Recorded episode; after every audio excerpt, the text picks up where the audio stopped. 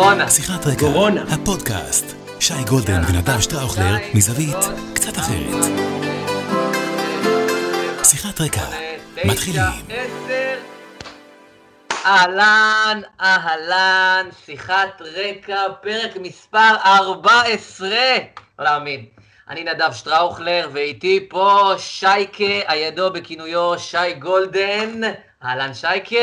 מה זה, גם- מה זה 14, מה זה י"ד בגימטריה?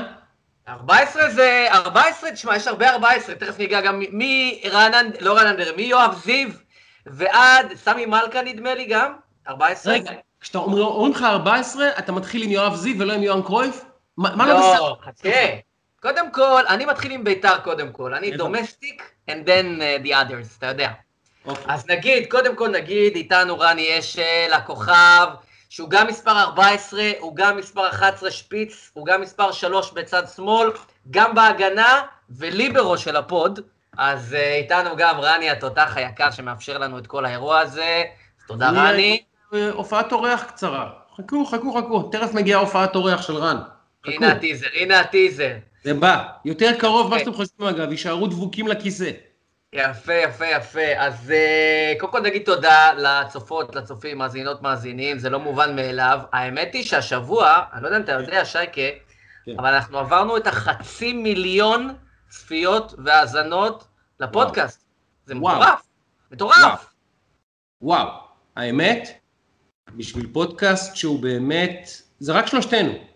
נכון? זה רני, אתה ואני, זהו, זה הפודקאסט, ואין לנו אה, אתרים שממנפים אותנו, ואין לנו שום גב, זה ממש הפייסבוק שלך, שלי ושל רני, והעבודה שלנו בבתים שלנו, במשרד, רני אצלו באולפן הקטן בבית שהוא עושה, בחדר העריכה, וזה פשוט מדהים, מדהים, מאפס, מאפס, לפני שלושה חודשים יצאנו לדרך, היום לחשוב שחצי מיליון איש כבר נחשפו למוצר הזה, לתוכן הזה, זה מדהים, באמת זה מדהים. אני מאוד מאוד גאה, והשבוע הגענו לשיא חדש בדברי ימי ה pod. ראש הממשלה, מר נתניהו, משתף בעצמו פודקאסט שלנו מלפני שבוע לדעתי, הקטע שבו דיברנו על השלום עם, אה, זה היה בעקבות השלום עם סודאן והחמיצות בתגובה אליו, לא זוכר בדיוק מה היה. וה-. והסבב, האמירויות, בחריין אה, ושות'. ואני אומר, אתה יודע, אני לא חושב שראש הממשלה מאזין לפודקאסט שלנו, אבל העובדה שראש הממשלה נחשף לפודקאסט שלנו ויודע על קיומו, אני מניח שהוא מאשר כל דבר שעולה לפייסבוק שלו, הוא לפחות יודע אותו, מהמם. היא בשבילי כבוד גדול. באמת, כבוד גדול.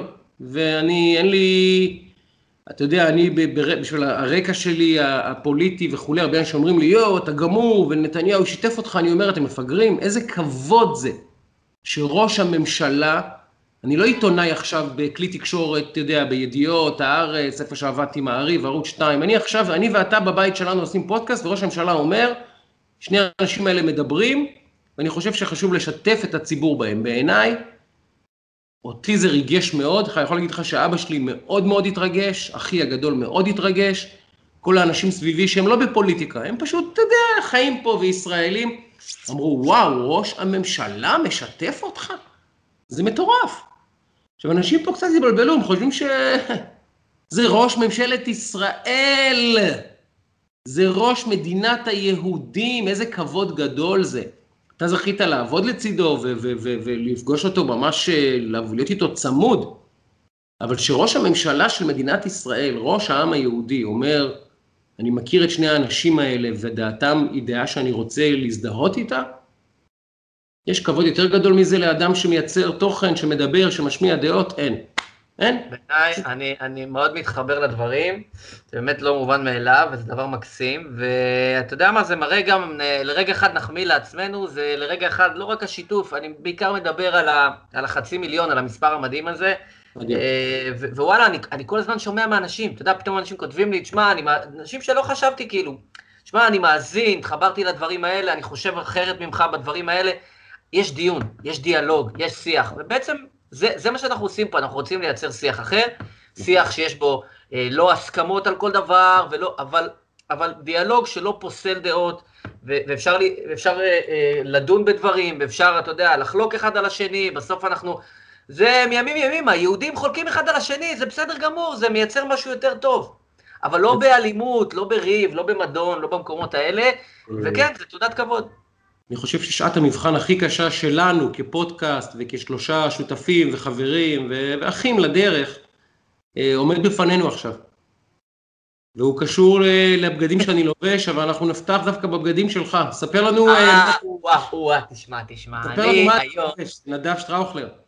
למי שלא לא צופה אה, ורק מאזין או מאזינה, אז אני אגיד שאני היום עם חולצה של אחד האנשים שמבחינתי אה, גדלתי עליהם ככדורגלן, שאני, מהבודדים שאני אומר, אני כמעט מעריץ את האיש.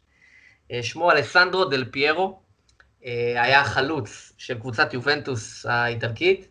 בעיטות חופשיות נדירות, לא, לא, נדירות, נדירות, באמת, זה, זה, זה ללקק את האצבעות, כמעט כל... הוא היה בא לבעיטה, אתה אומר, 20, 25, כמעט 28 מטר גם, היה מגיע, ואתה אומר, מצב טוב שזה בפנים, יש סיכוי כמעט יותר טוב שזה בפנים מאשר לא. אה, אבל בכלל, הפרסונה שלו על המגרש, דיברנו בעבר על, אה, על שחקנים, על, על, על פלרמו ואחרים, זה אישיות על המגרש, הפריזורה שלו, הזקן שלו, הכל היה מתוקתק, איטלקי למשעי, מה שנקרא. כן, כן. ובן אדם שכיף לראות על המגרש, שחקן כן. כדורגל בקלאס, מה זה קלאס? תענוג לראות, וזה גם הקבוצה שאני אוהב באיטליה, יובנטוס, הגברת הזקנה, אז... אה, אז אני, יש לי כמה וכמה חולצות שלו, וזאת אחת מהן, אלסנדרו דל פיירו.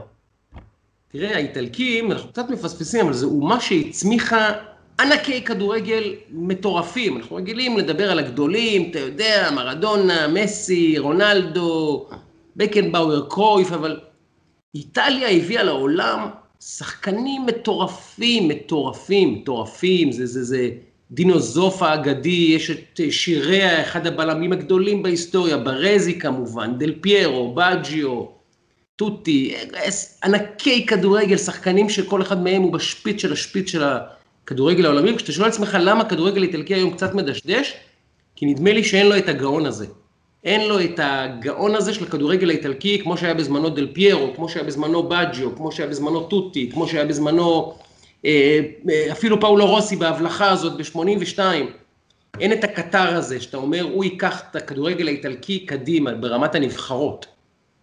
ומכאן עולה השאלה, מה הנבחרת שאתה אוהד בעצם בעולם? רני, תצטרף לשיחה, כי אנחנו... אני רק, אני רוצה להגיד לך בעניין הזה, שלאורך כן. כל השנים, האיטלקים, בשונה ממה שכאילו אנחנו, הרי כל הישראלים אה, אוהבים להתחבר לכדורגל ההולנדי, לכדורגל הזה, כן. אני מאוד אוהב את הקטע האיטלקי, שתשים לב, אפרופו גדולים וזה, מלדיני, ששיחק עד גיל 39-40 כמגן שמאלי, אתה מסתכל על, על, על, על, על ההרכבים של איטליה בשנים האחרונות במונדיאלים וביורו, זה קבוצת הגנה מתואמת, רצחנית, שאתה לא עובר אותה בשום מצב, והם ניצחו והם לקחו אליפויות והגיעו להישגים, בדרך כלל, דרך ההגנה שלהם, דרך נכון. משחק, גם יובנטוס אגב, עם דל פיירו ועם פירלו ואחרים שהיו ככה ב... ב ונדווד ואחרים, ההגנה שלהם הייתה הקטע החזק אצל האיטלקים, ואני מת על זה, ואליפויות לוקחים קודם כל דרך ההגנה. קודם כל אתה שומר על ה base, אחר כך אתה עולה להתקפה. אין ספק. עכשיו לשלב השאלה הזה, נפתח ברני אשל. רני, איזה קבוצה אתה אוהד כשמתחיל מונדיאל? אבל עקבית. ארגנטינה, ארגנטינה שנים. למה ארגנטינה? איפה? ספר לנו את הרקע. אתה יודע, כל אחד זה כנראה, יש רגע שהוא אפילו לא יודע להצביע איך זה קרה, אבל אני במונדיאל ב-86 הייתי בן 6, והמאסטרו, הנרקומן שיחיה כמה שיותר מרדונה, זה היה השנים של הטירוף של מרדונה. ומאז התחברתי לארגנטינה. ומאז אני מתאכזב גם כל מונדיאל. לא, יש להם בעיה שם ברמת הנבחרות, והם מפספסים את השנים של אחד השחקנים הגדולים בהיסטוריה, בלי תואר, זה ממש עצוב. כי מסי חדש לא יהיה להם בקרוב. ולבזבז את השנים האלה על, אה, על... אה, תראה, הם הגיעו לגמר מונדיאל וזה, אבל הוא היה צריך לגמור את הקריירה עם מונדיאל אחד לפחות בכיס. חייב, כדי להיות באמת אחד הגדולים. אה, אבל מה שנקרא, אני, אני בכאבך, שטראוך. אני גדלתי, ש... אני גדלתי על רות חולית ועל ון בסטן ועל החבר'ה האלה, שכאילו מאוד אהבתי. אני חייב לציין שבמונדיאלים אני לא הכי עקבי, כי בשנים האחרונות, וגם עם ההתפתחות של הכדורגל, אני מאוד אהבתי את ברזיל, אבל ברזיל של נאמר לא מדברת אליי. לא. אני לא, לא, לא מעריך את השחקן הזה יתר על המידה. אני מאוד מחובר לאיטליה. אה, בגלל שהם עובדים מתודולוגית, אתה מבין? יש, יש שיטה, יש דרך, יש, יש סגמנט, אתה יודע להצביע על כדורגל איטלקי יותר טוב, פחות טוב, אתה יודע להצביע על דרך. הם הולכים בדרך. אגב, יוון לקחו ככה אליפות אירופה. יש דרך, אני מעריך דרך. Uh, בכדורגל הברזילאי אני אוהב את החדוות משחק, אבל הדרך קצת uh, נעלמה לה, לכן אני לא יכול להגיד לך שאני עקבי, אני מחבב מאוד את הולנד, uh, אבל לא, אין לי איזה אחד כזה שאתה יודע, שאני, קבוצה אחת שאני כאילו מחובר אליה ברמה רגשית יתר על המידה. טוב, עכשיו מכיוון שאין לנו, לא כל המאזינות והמאזינים שלנו צופים בנו, אתה תצטרך לתאר, ל... לתאר למאזינות שלנו ולמאזינים מה קורה. תראה לנו, מה קורה פה בעצם? מה אנחנו הולכים לראות? רגע, רגע, יש כאן, יש לי תחושה, אני כותב על פתק, מה ההימור שלי? בבקשה. ואני אגיד לכם אחרי זה זה. תראה למצלמה, לא, תראה למצלמה. לא, אני שולח לנדב עכשיו וואטסאפ, עם מה אתה הולך להגיד. נדב יראה את הוואטסאפ. אתה שולח? כשאתה מוכן תגיד לי. לי אין, לי אין, I have no clue, מה אתה הולך לחשוף פה עכשיו, שייקי? אה, זה סוואצ'ר של, אה, כזה ביתי כזה של קנזס סיטי צ'יפס, קבוצת פוטבול אני מאוד מאוד אוהב, קבוצה אהובה, לא הקבוצה שלי, אבל אני מעריך אותם, אני אוהב קבוצות טובות, אבל במונדיאלים וביורואים, אין דרך עדינה לומר את זה. גרמניה? מנשפט! גבירותיי ורבותיי, אני גרמני. אני רוצה להראות למצלמה. יוצא מהארון. אני לא יודע אם רואים. כתוב פה. אבל רני אשל כתב לי. זו האמת. אני גרמני בכל המונדיאלים, בכל הטורנירים. אתה יודע ממתי זה? זה מוזר. כי זה מ-86 גם כן, רני. במונדיאל של 86, כן. זה היה מונדיאל מדהים אגב. אם אתם זוכרים, דנמרק המטורפת שניצחה את ספרד 5-1, וספרד של בוטרגניו, ומיטשל, ויירו הצעיר, ו... ורוסיה המדהימה של בלאנוב, זה סליחה, ברית המועצות, של בלאנוב, גם כן קבוצה מדהימה, וכמובן את, את צרפת של אחרי 82 עם ז'ירס וטיגנה ופלטיני, קבוצות מדהימות, וכמובן מרדונה, ואיטליה נהדרת, ואני אהבתי באותה תקופה את קארל היינץ רומיניגה. הרסתי את השחקן הזה. היום הרבה אנשים שמות, מכירים אותו יותר כנשיא של ביירן, אבל הוא היה שחקן, שחקן, שחקן, שחקן. רני, שחקן. אין שחקנים כאלה היום. הגנה, זה גרמני אמיתי. ירד להגנה, עושה קישור דפנסיבי כשצריך, סקורר אמיתי, מכסה שטחים בהתקפה, יודע לפתוח לחלוצים אחרים, שחקן בית ספר, בית ספר, בית ספר. ואני אוהב את קרל היינץ רומיניגה, ופתאום אני מוצא את עצמי יושב ורוצה שהגרמנים ינצחו. ורוצה שהגרמנים ינצחו, ואז מגיע הגמר.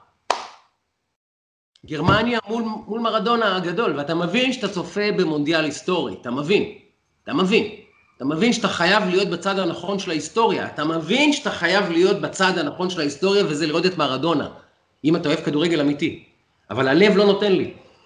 זה קורה בעשר שעון ישראל, זה היה באצטדיון אצטקה, אה, בזה, במקסיקו סיטי, בשעות צהריים, כדי שאירופה תוכל לצפות. עשר שעון ישראל, אני זוכר את הגמר הזה. אני יושב עם אבא שלי, אני בכיתה ט' או י', 15, 14, בן כמה הייתי אז, ואני זוכר אותי ואת אבא שלי, שהוא ניצול שואה אגב, כפרה עליו, שיהיה בריא, בעד הגרמנים.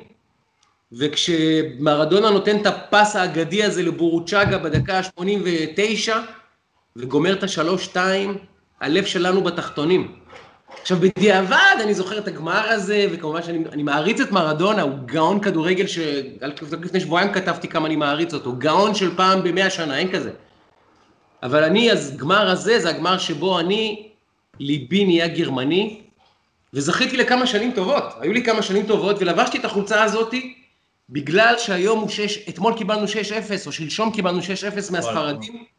ההפסד הכי גדול בתולדות המנשפט, ואוהד אמיתי, אוהד אמיתי צועק את שם הקבוצה שלו ביום הכי קשה שלה.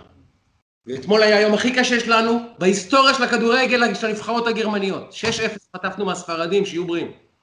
ובאתי היום לומר לכולם, גרמניה, אני איתכם. באש ובעיניים. יפה, מאוד. שמע, אני... אני... לא להסתכל לי בפנים עכשיו, אבל למה לעשות? רני, תגובתך לחדשות הקשות.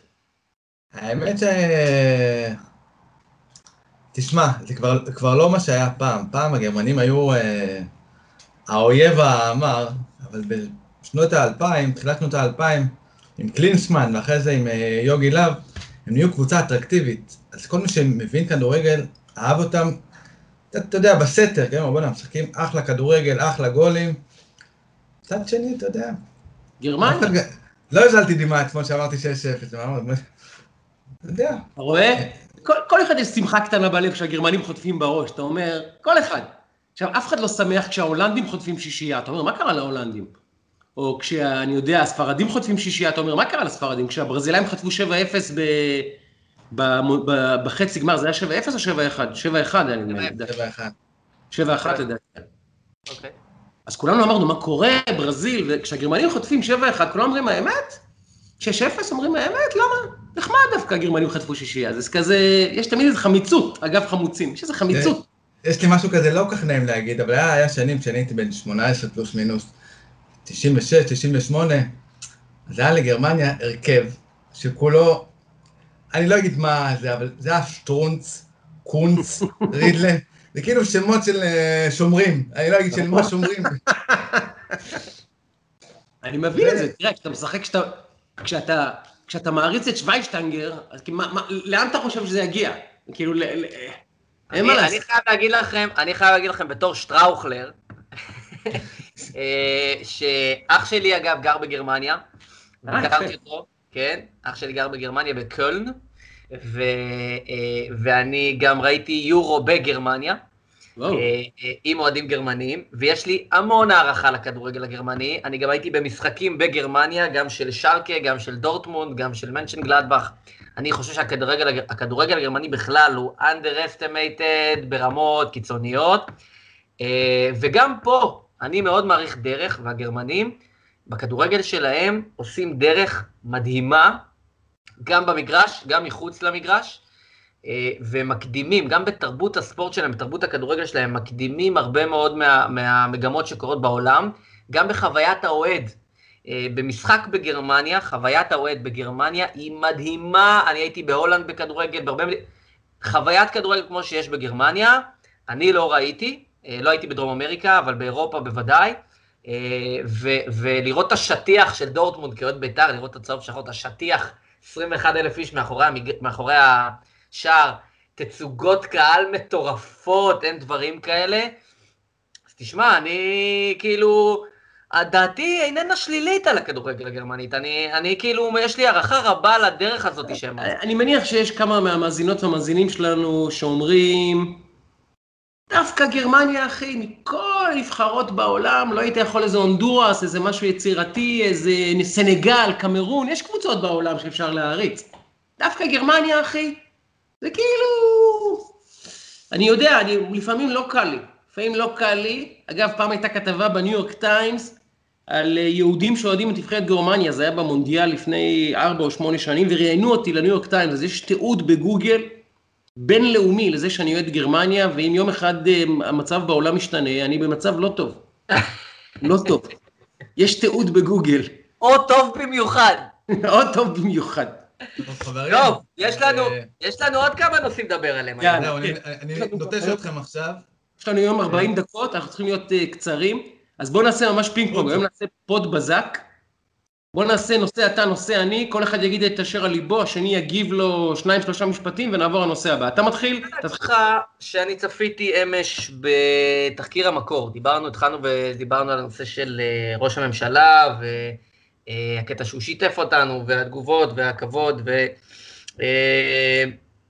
תראה, אני בביזנס שלנו כיועץ תקשורת, כיועץ אסטרטגי ב-15 שנים האחרונות, ולמי שלא ראה, פורסם תחקיר במקור של רביב דרוקר, שהראה בעצם בגדול את הקלטות ניר חפץ, שהפך להיות עד מדינה, שהיה יועץ תקשורת של נתניהו.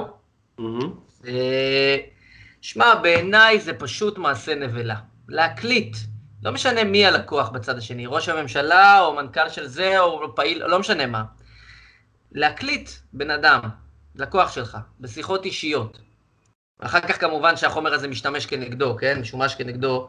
זה פשוט מעשה נבלה, זה מגעיל בעיניי, זה, זה חוסר קולגיאליות מינימלית, זה, זה, זה ביב של, ביב שופכין בעיניי של, אתה יודע, של העולם תוכן שאנחנו עוסקים בו. בכלל של הקלטות זה דבר מכוער בעיניי, אבל יועץ תקשורת, שזה, זה, כל כך רגיש וקרוב, אה, אה, ב, אתה יודע, ב, ב, בשיח עם הפוליטיקאי או עם הבן אדם שאתה מייעץ לו, שאתה מקליט אותו. ואחר כך עוד, אתה יודע, אנחנו רואים לאן זה מתגלגל. בעיניי זה דבר מכוער, אה, ואני בז ל, להתנהלות כזאת. אני בח, בחיים שלי לא העליתי על דעתי לעשות כזה דבר. ו... העניין, נדב, שיש עוד יועצי תקשורת, לפחות אחד שמוכר לנו, לא נזכיר את שמו, שהקליט בעבר את חברי, את בני משפחת נתניהו, והדליף אפילו קלטת שבה גברת נתניהו נשמעת כפי שהיא נשמעת. זאת אומרת, יש היסטוריה של הקלטה של המשפחה הזאת. כנראה שזו תופעה לא רק של המשפחה, אלא בכלל. כנראה שזו תופעה יותר רווחת ממה שאנחנו חושבים, שאנשים שמקליטים שיחות, מקליטים פגישות עם אנשים, כשאתה יועץ לו ומקבל ממנו כסף, מייעץ לו, סליחה, ומקבל ממנו כסף, איך אתה יכול לעשות את זה? אני לא, אני לא מבין, מה, אתה מחזיק אקדח תמיד מתחת לשולחן כמו מאפיונר כל פעם שאתה מדבר כדי שיום אחד תוכל לשלוף אותו? לא מבין את הקטע. לא מבין, לא מבין. זה בעיניי, זה בעיניי אה, יועץ תקשורת שמקליט לקוח שלו ו, אה, ומשתמש אחר כך כנגדו, במודע, זה הקלטות מודעות, רק נגיד, אה, זה דבר מכוער, ואני רוצה להגיד לך שזה מכוער בעיניי פעמיים. אני, לשמחתי הרבה, זכיתי לעבוד עם ראש הממשלה וללוות אותו ולייעץ לו בתפקיד דומה לתפקיד של, בתפקיד של ניר חפץ. ו... ואתה יודע מה? אני, אני לא, לא, לא נוהג לדבר על, על בכלל הפעילות שלי עם האנשים שאני עובד איתם וכולי, אני חושב בדיוק הפוך מניר חפץ של הקלטות ותרבות כזאת, אני מאוד בעניין של הדיסקרטיות, בטח כשאתה עובד עם, עם אנשים, לא חשוב אם שם המשפחה שלהם נתניהו או שם המשפחה שלהם הוא אחר. ואני רוצה לתת לך דווקא קונטרה אחרת, וכמה הערות על התחקיר הזה. קודם כל, אני מכבד את רביב דרוקר, אני מכבד כל אחד, כל עיתונאי וכולי, אבל תשמע, לקרוא לזה תחקיר, אני לא יודע. היה פה בעיקר, בעיקר, הקלטות שהוא קיבל אותן בדרך זו או אחרת, אני לא יודע מה האינטרס, מה ה incentive, זה לא משנה. הקלטות שהוא שידר. לא היה פה איזה, אני לא ראיתי לפחות איזה תחקיר. היה פה אותם והוא שידר אותם, עם איזה lineup מסודר של לוחות הזמנים, אז קצת על המסגור של הסיפור. אבל רגע על התוכן, כי זה בעיניי המהות והחשיבות. אתה יודע שלשמחתי, כמו שאמרתי, זכיתי לעבוד עם נתניהו, ו... ו... ואני רוצה להגיד לך שאני מאחל לכל בן אדם, לכל, לא רק ליועץ תקשורת, לכל בן אדם שעובד ב, ב, בעולם תוכן שלנו, בעולמות תוכן אחרים, אה, נקרא לזה לצורך העניין מעסיק כמו נתניהו. כי החוויה שלי עם נתניהו, כיועץ תקשורת שלו לטובת העניין, הייתה פנטסטית. הייתה ממש טובה. ואני את הקול הזה ששמעתי מהצד השני של ההקלטה, אני מכיר. ו... והקול הזה מבחינתי היה אדם שהיה מאוד מאוד אה, אה, מכבד, מקצועי, לעניין, ו... ו... ואתה יודע, זה בן אדם שמקבל כבוד מלכים מ... מ... אה, מכל נשיא או ראש מדינה שהוא מגיע אליו, הוא מדבר איתך בגובה העיניים, מקצועי, לעניין, לא משפיל, לא עולב, אנחנו מכירים הרבה מאוד פוליטיקאים ואישי ציבור שמתנהלים ככה בפרהסיה, לעולם לא תשמע, אני לפחות לא שמעתי ולא ראיתי אנשים שאומרים דברים כאלה על בנימין נתניהו, ראש הממשלה. אני לא, ואני לא נוטה לחשוב שניר חפץ זכה ליחס אחר ממה שאני קיבלתי. ולכן זה מעצבן אותי שבעתיים. כי אין שום עדות, ואני לא שמעתי גם את ניר חפץ, שאומר שנתניהו התנהג אליו באופן לא מכבד. ו-you don't cheat where you eat. כי כשבן אדם מכבד אותך, זה נכון תמיד, אבל כל שכן, כשבן אדם מכבד אותך ונוהג בך במקצועיות ובהערכה, ככה אתה משיב לו? אתה מקליט אותו? אתה מקליט אותו ומשתמש בזה כראיה כנגדו? עזוב עכשיו נתניהו וביבי לא ביבי. איזה התנהגות מחורבנת. כאילו, מי עושה דברים כאלה? ואותי זה מכעיס באופן אישי, כי אני יודע מי זה נתניהו, ואני יודע איך הוא מתנהג עם האנשים שלו, ויגידו לך את זה, או לא יגידו, לא משנה, אנשים אחרים, אני לא נכנס פה לסיטואציות וסוגיות, אבל אני אומר את זה אה, באמת בכנות רבה, זה מעצבן אותי, כי זה בן אדם שנוהג בכבוד באנשים שלו, וככה יועץ תקשורת, שזה בעיניי גם הזניה של המקצוע שאני עוסק בו, יתנהג בחזרה. וזה כפיות טובה, you don't cheat where you eat. אני אגיד שני דברים קצרים לפני שאני אעבור לנושא הבא. קודם כל גילוי נאות, עבדתי עם ניר חפץ במעריב אה, שנה ומשהו, אני מכיר את האיש, יש לי איתו גם, אפשר לומר, יחסי אה, אה, ידידות, אנחנו קצת פחות בקשר עכשיו, מן הסתם, לפני הרבה שנים ביחד, אבל אני רוצה להגיד משהו לגבי הקלטות. א', אני מסכים איתך לחלוטין. הקלטות זה התחתית של החבית, התחתית של החבית, אני אגיד לך למה זה התחתית של החבית. כי בהקלטות יש לצד אחד יתרון בלבד. והיתרון הוא מאוד חמור, כי לא רק שאתה מקליט את הבן אדם, אתה גם יודע שאתה מקליט והוא לא יודע שהוא מוקלט. זאת אומרת, אתה בהגדרה בא לתפוס אותו עם התחתונים, סליחה על הביטוי, למטה. לפעמים גם אתה טומן לו מלכודת במילים שלך כדי שהתחתונים שלו באמת יוסרו, שוב סליחה על הדימוי. אז אתה נכנס לבצע מעשה נוכלות. אם אתה נכנס לחדר עם מכשיר מוקלט, כשהצד השני לא יודע, מה שנקרא הקלטת סתר, אתה מראש יש לך יתרון לא מוסרי ולא הוגן בתוך הדיאלוג הזה. ועכשיו להציג אותו כדיאלוג כאילו אותנטי, זה גם לא נכון. כי אין דיאלוג אותנטי כשאדם מקליט אדם ביודעין. כי אם שולה זקן מראיינת, סליחה, מקליטה את אולמרט, היא יודעת שהיא מקליטה את אולמרט ולכן היא תיזהר בלשונה. ולכן השיחה הזאת היא לא אותנטית. ולכן כל הקלטה היא באופן עקרוני בעיניי מעשה שהוא, מעבר לעובדה שהוא מסריח, הוא גם מוסרית ואתית חמור מאוד. ואני רוצה לשאול אותך, למה שלא נקדם יוזמה, או אתה תקדם יוזמה? באותה מידה יש, יש חיסיון בין רופא למטופל, או בכלל גם בין אחות למטופל, חיסיון רפואי מה שנקרא, בין עורך דין למטופל. יש חיסיון גם בין יועץ מס ללקוח, בין עורך דין ללקוח, סליחה, בין יועץ מס ללקוח. למה שלא יהיה חיסיון, יש גם לפעמים דיונים בבית משפט שנעשים בדלתיים סגורות. למה שלא יוחלט שכל שיחה בין יועץ תקשורת לבין לקוח, שהיא לרוב אישית, נאמרים בה דברים שהם קרוב לוודאי 99% מהם לא יגיעו לידי הציבור, יש בהם אנשים חושפים דברים לא נעימים וסודות ושיקולים אסטרטגיים, ולמה על זה לא חל חיסיון? כדי להגן בכלל על המקצוע הזה ועל האפשרות של אנשים לקבל ייעוץ. כי אם אני הולך לפסיכולוג ואני חושד שיום אחד אני אגיד משהו וחס ושלום זה ישמש נגדי, או לחלופין, ברור שאם אדם מתכנן מעשה פלילי ואתה שותף לזה, אתה צריך להתערב, זה ברור, אין ש... אני לא מדבר על המקרים האלה. לא מדבר על המקרים האלה. ברור שאם אתה פסיכולוג, או רופא, או עורך דין, או יועץ תקשורת, ואתה שומע שמישהו עומד לבצע מעשה פלילי, אתה מוכרח להתערב ולהגיד, אדוני, אני הולך למשטרה. אבל רוב השיחות הן לא שיחות שיש בהן רקע פלילי. ויש בהן נושאים פרטיים, אינטימיים, משהו שמעיד עליך, על אישיותך, על החיים שלך. ואם אתה נכנס לחדר ומקליט, אתה מראש בא לבצע מעשה הונאה ונוכלות, כי אתה לא עצמך כבר בשיחה. אתה גורם לו לחשוב שאתה עצמך בשיחה, הוא מחכה שהוא ייפול, מקליט, שומר את זה במחשב בהארד דיסק ואומר אני מחכה ליום פקודה. זה מכוער מאוד וחייבים להגן על זה בחוק לדעתי. אני מסכים איתך מאוד, אני מסכים איתך מאוד, אני חושב שגם היו יוזמות שיח כזה, אני יודע, בעולם היועצי התקשורת. אני לא יודע אם קודמה חקיקה בעניין, אני חושב שאני וגם מרבית uh, הקולגות שלי נוהגים uh, בהוגנות, ואני חושב שמה שניר חפץ עשה, מתאים את המקצוע הזה. אני לא חושב שהרוב, או אפילו חלק קטן, uh, נוהגים ככה, אני חושב שזה שייך, אני מקווה לפחות שזה שייך למשהו מאוד מאוד קיצוני ומזערי, לפחות אני רוצה לחשוב ככה. ועדיין, כשאתה רואה את הדברים האלה, זה פשוט מרתיח את הדם. אותי זה מרתיח את הדם, לי זה מרתיח את הדם כמה פעמים. פעם אחת, כי זה פגיעה במקצוע שאני עוסק בו. פעם שנייה, כי זה פוגע בבן אדם, שכאילו, קיבינימט. אתה הרי לא טוען שהוא יתנהג אליך בנבזיות או ברוע. לא שאז הייתה הצדקה, אתה יודע, אבל זה לא אדם שמתנהל ב...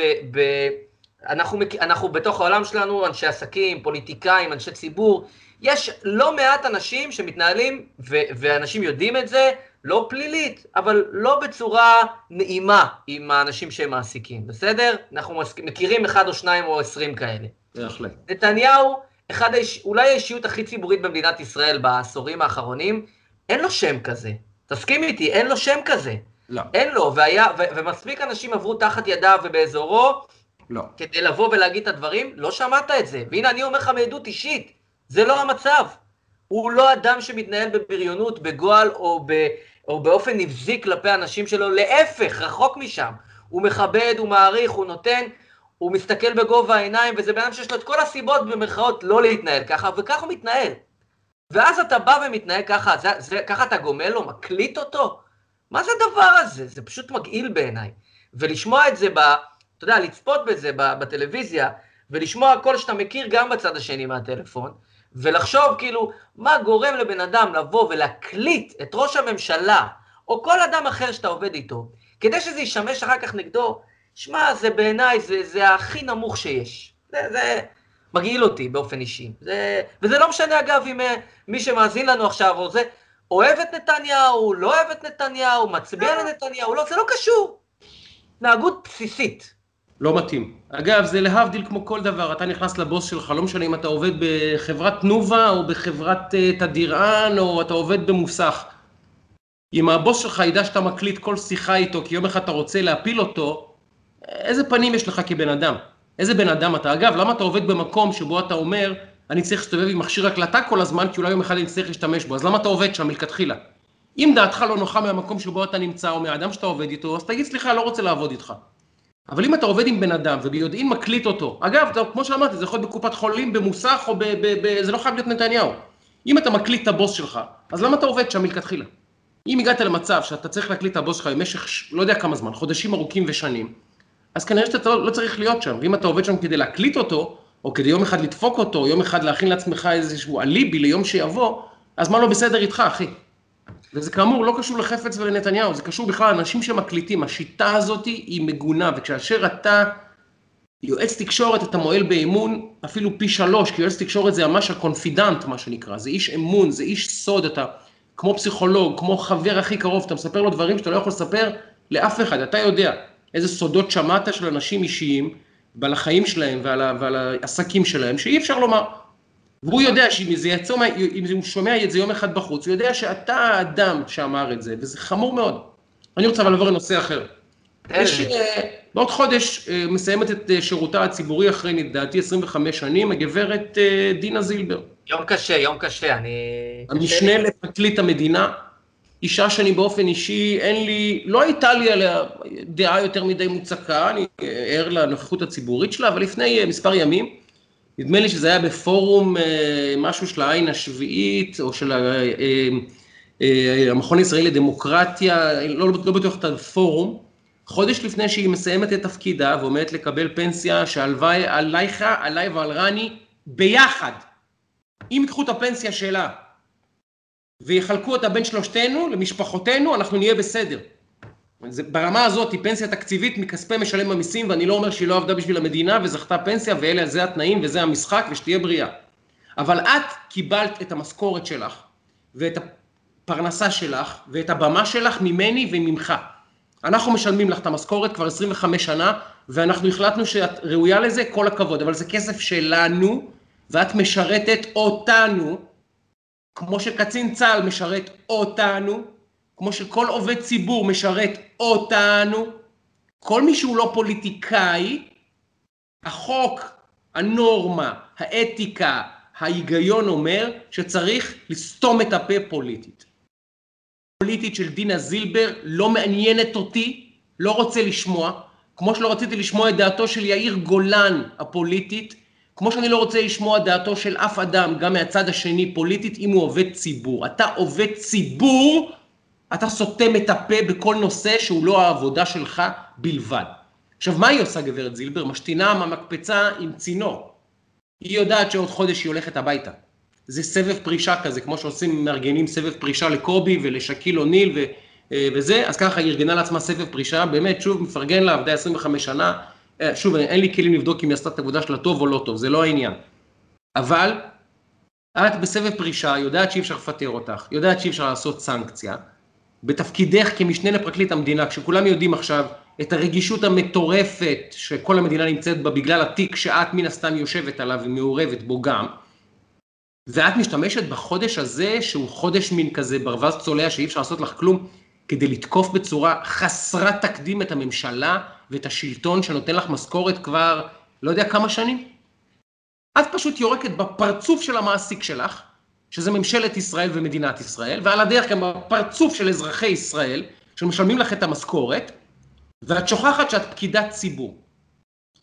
אני לא רוצה לשמוע את דעתו של אף קצין צה"ל אה, הפוליטית, לא רוצה לשמוע. לא מעניין אותי. לא רוצה לשמוע את דעתו של אף אדם בפרקליטות, את עמדתו הפוליטית. לא משנה, ימין, שמאל, לא מעניין אותי. לא רוצה לשמוע את עמדתו של אף אדם בביטוח לאומי הפוליטית. לא רוצה לשמוע. לא רוצה לשמוע של אף אדם ברשות הנמלים הפוליטית. לא רוצה לשבת אף פעם בבית חולים ממשלתי ושרופא יטפל בי ויגיד לו, לי מה דעתו על ביבי או על, אה, או על שרה או על בני גנץ. לא רוצה לשמוע, אתה רופא, תסתום את הפה, תדבר על רפואה. אתה מקבל משכורת מהממשלה ומהמדינה, תטפל בי ולך הביתה. באיזה קטע דינה זילבר מרשה לעצמה להשתמש בה, באצטלה שיש לה ובמעמד שהיא קיבלה ובבמה שהיא קיבלה ובתפקיד שהיא קיבלה כדי להשמיע עמדות פוליטיות. זה חמור ברמה קשה, ואני, אני, אם אני ראש התקשיר, או ראש נציבות, השד... אה, יותר נכון, אה, אה, ראש נציבות שירות המדינה, אני קורא לה לחדרי ואומר לה, גברת זילבר, אנחנו צריכים לדון מחדש בפנסיה שלך. עשית פאול, חשבת שעל פאול הזה אין קנס, ואנחנו ברשותך רוצים עכשיו לדון בפנסיה שלך. כי עשית עבירה, ועשית עבירה חמורה. זו עבירת משמעת חמורה מאוד בעיניי. וכמו שיאיר גולן קיבל את הקנס, ולמעשה הוא עף מסבב הרמטכ"לות בגלל ההתבטאות העלובה שלו, סליחה, כמו שיאיר גולן הוא בעצם שילם את המחיר האישי המקצועי, גם הגברת זילבר לא יכולה להסתיים את העניין הזה פטורה בלא כלום. צריכים למצוא איזושהי סנקציה על האישה הזאת. ושוב, לא מעניין אותי אם היא בעד או נגד נתניהו. את מקבלת משכורת מהציבור ומהממשלה, ואת צריכה להיות ניטרלית במאה אחוז ולשרת אותנו. וכשאת יושבת על תיקים פוליטיים ומשמיעה את דעתך הפוליטית, את עושה שני דברים. אחד, את עושה צחוק מכולנו, ב', את גם מרמזת לנו שאנשים שליוו את התיק הזה, הגיעו אליו מוטים מראש. אז את פוגעת גם במערכת שאת מייצגת. כי אנחנו מבינים עכשיו, מה שאנחנו כל הזמן חושדים, שאתם יושבים שם במשרדים שלכם בפרקליטות, ואתם לא נורא בעד נתניהו, ואם אתה לא נורא בעד נתניהו ואתה מטפל בתיק שלו, אז קרוב לוודאי שאתה גם תושפע מזה כשאתה מטפל בתיק שלו. אז תסתמי את הפה, סליחה על הבוטות. גברת זילבר, שקט. אנחנו לא צריכים לדעת מה את חושבת מאחורי הקלעים, כי זה מחליש את התיק שלך גם. זה מחליש את המשפט שאת מנסה להוביל, מעבר לזה שאת יורקת בפרצוף של הציבור. אז היא צריכה לקבל על הפאול הזה קנס. ואני מאוד מקווה שהפודקאסט הזה יגיע לאוזניים של מי שישפיע, ו- ויגיע גם לכלי התקשורת שיעוררו לזה הד, שוב, גם כאן כלי התקשורת כרגיל נדם קולם, כי זה לא חשוב, שמספר 2 בפרקליטות בישראל, חודש לפני העזיבה, אומרת מילים שלא יאמרו על הממשלה ש- ש- ש- ש- ש- שהיא מקבלת ממנה משכורת, והיא למעשה מייצגת אותה ושומרת גם על האינטרסים שלה על הדרך. אז אולי אני מקווה שיגיע מישהו לדבר הזה, זומנה לשימוע, אומר לי רן אשל. סליחה, הנה רני, אז טוב שאתה מתקן אותי.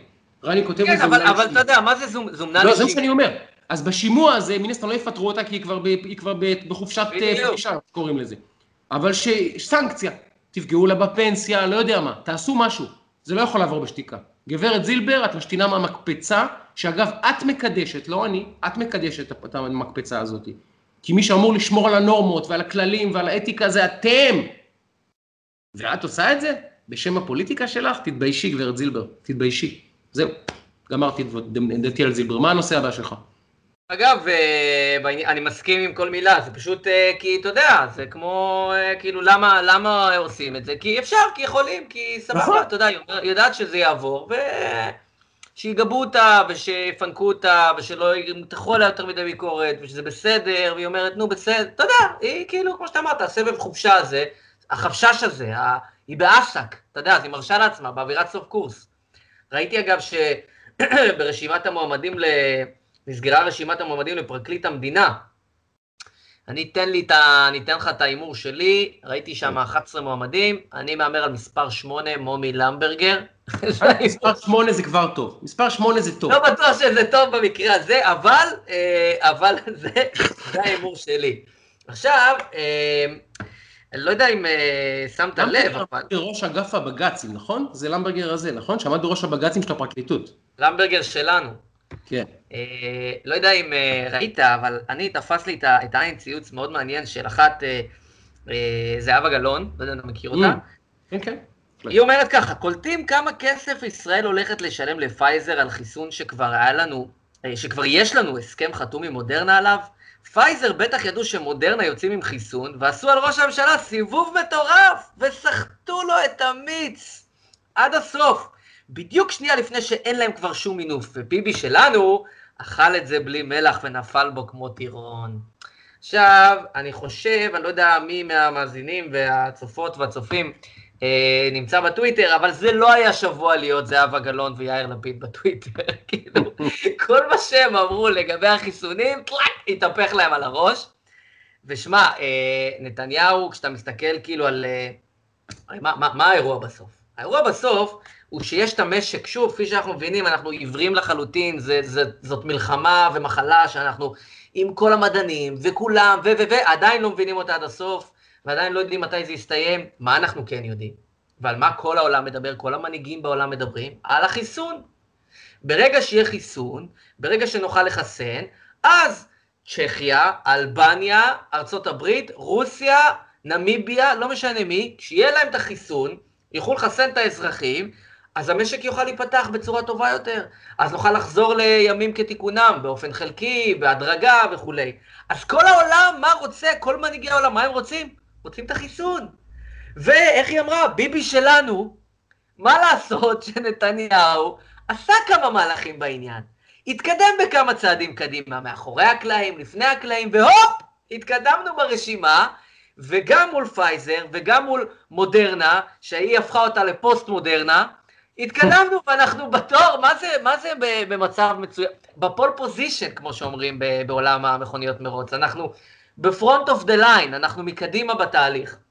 וזה קרה אה, לא כי אה, יאיר לפיד אה, צייץ מהמקלחת, לא כי זהבה גלאון זרקה איזה עקיצה, זה קרה כי נתניהו עבד חכם, כי נתניהו עבד נכון. עכשיו עוד מוקדם לדעת, החיסון, לפי כל מה שאומרים, יעיל ב-95%, שזה 95% יותר ממה שיש לנו כרגע, אוקיי? אין 100%, אנחנו עוד לא יודעים לאן זה יתפתח, אבל תראה איך, בלי בושה, פשוט בלי בושה, אנשים כמו יאיר לפיד, כמו זהבה גלאון, שפליפ פלופ מתהפכים כמו סטייקים, אפרופו, לפני שנייה אומרים, הוא לא יודע מה הוא עושה, הוא לא, הוא לא, אין לו מושג, אנחנו לא בתור, והופ, אנחנו ראשונים בתור, לפני בריטניה, לפני מדינות הרבה יותר גדולות ומשמעותיות מאיתנו, שהוא סוגר את זה עם מנכ"ל, החב, מנכ"ל חברה שכל העולם יושב לו על האוזן, ונתניהו תופס אותו, ולא במקרה, ומצליח להבטיח פה חיסונים קדימה.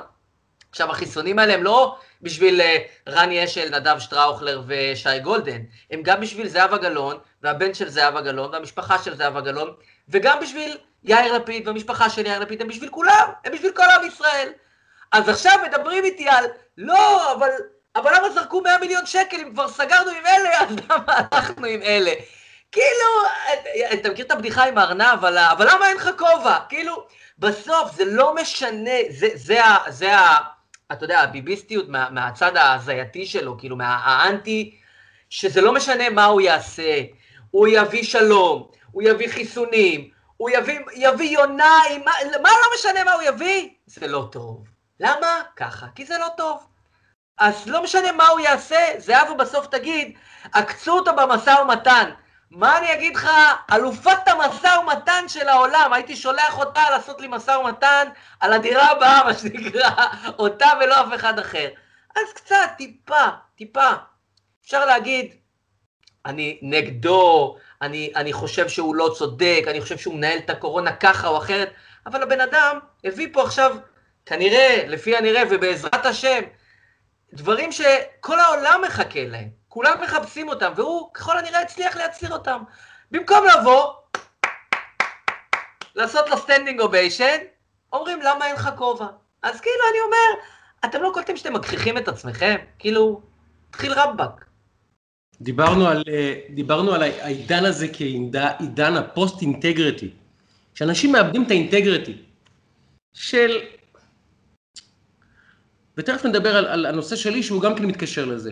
יש דברים שהם שחור או לבן והם ברור. שלום זה טוב, אז תגיד שלום זה טוב, אל, אל תמחא כפיים. אבל אל תגיד זה לא שלום או תגיד זה מגוחך. אתה לא רוצה למחוא כפיים לנתניהו כי אתה לא אוהב אותו, כי זה עושה לך צביטה בצ'כי, אל תמחא כפיים. אל תגיד מילה טובה, אבל להגיד הפוך, אתה, אתה לא אוהב את נתניהו, אבל מר נתניהו בכל זאת, כיסה אותנו עכשיו מהכיוון של פייזר, כיסה אותנו מהכיוון של מודרנה, יש גם את הניסוי של המכון הביולוגי שנכנס לשלב מעשי, הוא מנסה עכשיו את כל האופציות כדי למגן את אזרחי ישראל מפני הקורונה. יש מרוץ לחיסון בכל העולם, זה לא איזה משהו שרק ישראל uh, מתמודדת איתו. וישראל ומר נתניהו מנסים בכל דרך אפשרית, יותר נכון נתניהו, לכסות את ישראל ולוודא שכאשר תיווצר אופציה, אנחנו נהיה הראשונים בתור, ואם האופציה לא טובה, תהיה לנו עוד אופציה. ואם האופציה השנייה תיפול, שתהיה לנו אופציה שלישית. ככה נוהג מדינה אחראית. עכשיו, אז אתה יכול להגיד, אני לא אוהב את נתניהו, אני לא יודע, שחיתות, שמיטות, אבל למה להגיד על זה שזה קשקוש? למה? כי אז אתה הופך לקשקוש. כשאתה לוקח דבר שהוא באופן מובהק התנהגות אלמנטרית חיובית שאין עליה מחלוקת. ואתה מחפש גם בה את השלילי רק כדי לחזק את השנאה שלך לנתניהו, או להדהד אותה, או להצדיק אותה, אז אתה פשוט אדם לא ישר אינטלקטואלית. אל תאהב את נתניהו, אנחנו מסכימים, לא צריכים לאהוב אותו, לא כולם אוהבים אותו, זה בסדר. אבל תהיה ישר אינטלקטואלית. נתניהו עשה טוב. כי אם הוא ינע את הכביש, אתה תגיד, למה הוא החזיק לה את היד חזק מדי? אין, אין דרך לנצח. חבר'ה, זה מגוחך. וכשאתם אומרים על כל דבר שנתניהו שהוא עושה הוא גרוע, גם כשהוא מעביר זקנה את הכביש או מביא חיסון לישראל, הרי אתה יודע, זה, זה ממש כמו הבדיחה, זה ממש הבדיחה. גם אם נתניהו יביא שלום, וגם אם נתניהו יביא חיסון לקורונה, וגם אם ישראל תזכה במונדיאל, יגידו שביבי לא בסדר. אז עכשיו נשאר לנו רק לזכות במונדיאל. מהבדיחה, זה בדיחה כבר. זה כבר בדיחה הייתה שהתממשה. הביא חיסון לקורונה, טפו טפו בקרוב יגיע, בעזרת השם גם יעבוד. שניים, שלום, יש לנו שלושה הסכמים ובדרך בעזרת השם יהיו עוד כמה. עכשיו רק חסר שישראל תזכה במונדיאל, וגם אז ביבי לא בסדר. כי למה לא זכינו גם ביורו קודם? ימצאו משהו. אין לזה סוף, די חבר'ה, זה לא רציני, זה בדיחה. די, תהיו רציניים. עזבו עכשיו ימין שמאל, תהיו רציניים, תסתכלו על המציאות ותגידו, אני עכשיו רואה עץ. זה לא פיל, זה עץ. אם אתם הופכים כל דבר לפיל, רק כי אתם שונאים כל דבר שהוא לא פיל, אז אין לי, אין לי מה לומר יותר. ובהקשר הזה, או בהקשר שהוא דומה לזה, באחד הלילות הקודמים, מול הבית של משפחת פרקש בקיסריה, מעון סמוך לביתו של ראש הממשלה, מעונו הפרטי, מה שנקרא, בקיסריה, אמ, קבוצה של כמה אה, מפגינים, תומכי ראש הממשלה, קוראים קריאות נגד משפחת פרקש, כיוון שאלה מלינים ומארחים ומאכילים ומשקים מפגינים, ב, אה, מפגינים מול, מול ראש הממשלה. עכשיו, אני באופן אישי מתנגד להפגנות מול בתים של אנשים, כולל בית ראש הממשלה. מתנגד. אל תיכנס לאדם למרחב הפרטי שלו, תשב מול המשרד שלו. אבל נגיד, הפגינו מול הבית. בסדר גמור, לגיטימי, אתם יודעים מה, תקופה כזאתי, אני בטח לא אצא על זה לרחוב להילחם. תפגינו, אני כאמור מתנגד להפגנות בבית של, מול בית של בן אדם. עכשיו, מול בית של משפחה שכולה אני מתנגד פי שמונה להפגנות, פי שמונה, אם לא לומר פי עשר, כן? קל וחומר, וזה המקום שבו אני אומר, זה קו שחור שנחצה, שאתה אומר לו, גם אם זה אדם אחד שהתנצל, אגב, הבנתי היום, שאתה צועק לו, אז מה אם הילד שלך מת מצבה? עכשיו, חברים, דיברנו על אינטגריטי, דיברנו על מוסר, אנחנו מדברים פה הרבה על להיות, להיות ישרים ולהיות מאוזנים ולהיות מוסריים ולהיות בצד הנכון של, של מה שנכון ומה שטוב, בלי קשר לפוליטיקה. ואם אתה עומד מתחת לחלון של משפחה שאיבדה את הילד שלה, הבן תום פרקש, נפל בלבנון השנייה, הוא היה טייס מסוקים, הוא נפל בתחילת לבנון השנייה. אתה שולח ילד לצבא בגיל 18, ולי יש ילד עכשיו בצבא, חס ושלום, והוא חוזר בארון בגיל 21 או בגיל 20, אתה לא מתאושש מזה בשום שלב בחיים שלך. אין, אתה לא מתאושש, החיים שלך נחרבו באותה שנייה, זהו. אתה ממשיך לחיות פיזית, לאכול, לשתות, להיות בשירותים, אבל אתה, חייך הסתיימו. משפחה שכולה, מי שלא מבין את זה, מי שלא מבין מה זה משפחה שכולה, וכולנו מכירים משפחות שכולות, כולנו חלק ממשפחת אשכול, אשכול סליחה. כולנו יש חברים, בני משפחה, כל אחד מכיר פה מישהו ששכל מישהו, או, או בעצמו שכל מישהו. אם אתה עומד מתחת לאדם כזה, אומר לו, בגלל שאירחת מפגידים נגד נתניהו, חרא עליך ועל הילד שלך שמת בצבא, אדוני, איבדת לא את הצפון, איבדת את החיבור לכדור הארץ. ומי שמצדיק דבר כזה ואומר, אבל הם צועקים גם ליוני נתניהו, אז, אז חבר'ה, אז בואו נגיד את זה בצורה פשוטה. גם האנשים שאומרים למר נתניהו, אה, אה, אה, אה, מלגלגים על יוני, או לועגים ליוני, או משתמשים ביוני, טפו עליהם. חד משמעית, טפו עליהם. בושה וחרפה. מי שמשתמש בדבר הכי אישי וכואב, זה הפצע הכי כואב בחייו של, של מר נתניהו, בלי שאני מכיר אותו באופן אישי, אני מוכן לשים על זה כסף. זה הפצע הכי כואב, לאבד את אח הגדול שלך במלחמה, זה הפצע הכי כואב, אתה לא מתאושש מזה, אף פעם. אז אסור לדבר על זה, אסור לצחוק על זה, מותר רק להרכין ראש כשעולה השם יוני נתניהו, לא חשוב מה דעתך. אמרתי את זה, זה מספיק ברור, נכון? אז אתה לא יכול לומר, בגלל שאומרים על מר נתניהו, לועגים על יוני נתניהו, עכשיו לגיטימי לעשות את זה למפגינים, או לתומכים במפגינים. לא, זה לא לגיטימי בשום מקרה. זה לא לגיטימי במקרה של מר נתניהו, וזה לא לגיטימי במקרה של משפחת פרקש, וזה לא לגיטימי במקרה של אף אדם. אנשים שאיבדו את, המשפחה, את בני משפחתם, קרובים להם, אבא, אימא, אחים, ילדים, כל אחד איבד מישהו. ברגע הזה הם יוצאים מחוץ לתחום. הם קיבלו, הם מה שנקרא untouchable, יש להם חסינות. חסינות חברתית וציבורית בישראל, זהו. וגם אם הוא אידיוט, וגם אם הוא מעצבן, וגם אם הוא מכעיס אותך, וגם אם אתה לא מסכים עם אף מילה שהוא אומר, וגם אם הוא פרובוקטור, וגם אם הוא טמבל, לא משנה מה הסיבה, הוא קיבל חסינות. זהו, זה, זה המשחק. כי בלי האיש הזה והמחיר שהוא שילם והקורבן שהוא שילם, כדי שאתה ואני ורני נוכל לשבת פה ולדבר על זה כאילו שאין מחר, הוא שילם. משפחת פרקה שילמה את המחיר הזה. משפחת נתניהו שילמה את המחיר הזה. ועוד 25 אלף משפחות בקירוב, זה המספר אה, חללי צה"ל, לא זוכר את המספר המדויק, 25 אלף, שילמו את המחיר כדי שאנחנו נוכל לשבת פה ולדבר. והאנשים האלה הם קדושי ישראל אמיתיים, זהו, בזכותם אנחנו פה. אין לנו חיים, אנחנו לא יכולים לשבת פה ולנשום בלי שהאנשים האלה נתנו את חייהם. אז אתה חייב להגיד לאנשים האלה, אתם מחוץ לוויכוח שלי, כמו שדינה זילבר. ממי, דעתך הפוליטית, את לא שייכת למשחק.